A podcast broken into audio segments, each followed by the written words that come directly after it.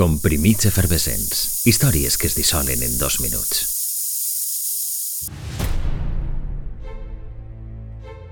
Cert és que la multinacional alemanya que la continua fabricant no sempre estigué tan encertada.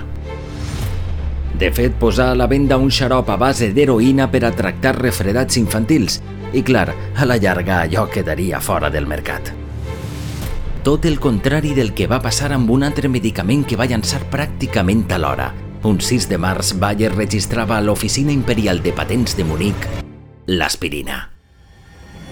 Félix Hoffman, el pare de la criatura, es va inspirar en la salicilina, un component natural present en diverses plantes. Ja se'n sabia de les propietats analgèsiques i antipirètiques de l'àcid salicílic, però tenia l'inconvenient greu d'irritar les mucoses de la boca i el tub digestiu. La troballa de Hoffman ho va canviar tot i Bayer es convertiria en el fabricant de potser el medicament més cèlebre i usat del món, i també de més lluny, ja que en la farmaciola de totes les missions Apolo no van faltar les aspirines. Els més aficionats al consum d'estos comprimits universals són els argentins que, segons les estadístiques, en prenen una mitjana de 80 anuals.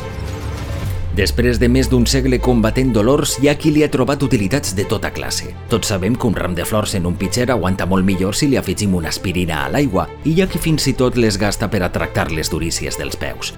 Mil i un usos per a l'aspirina que de segur continuarà sorprenent-nos com des de fa 118 anys, des del 6 de març de 1899.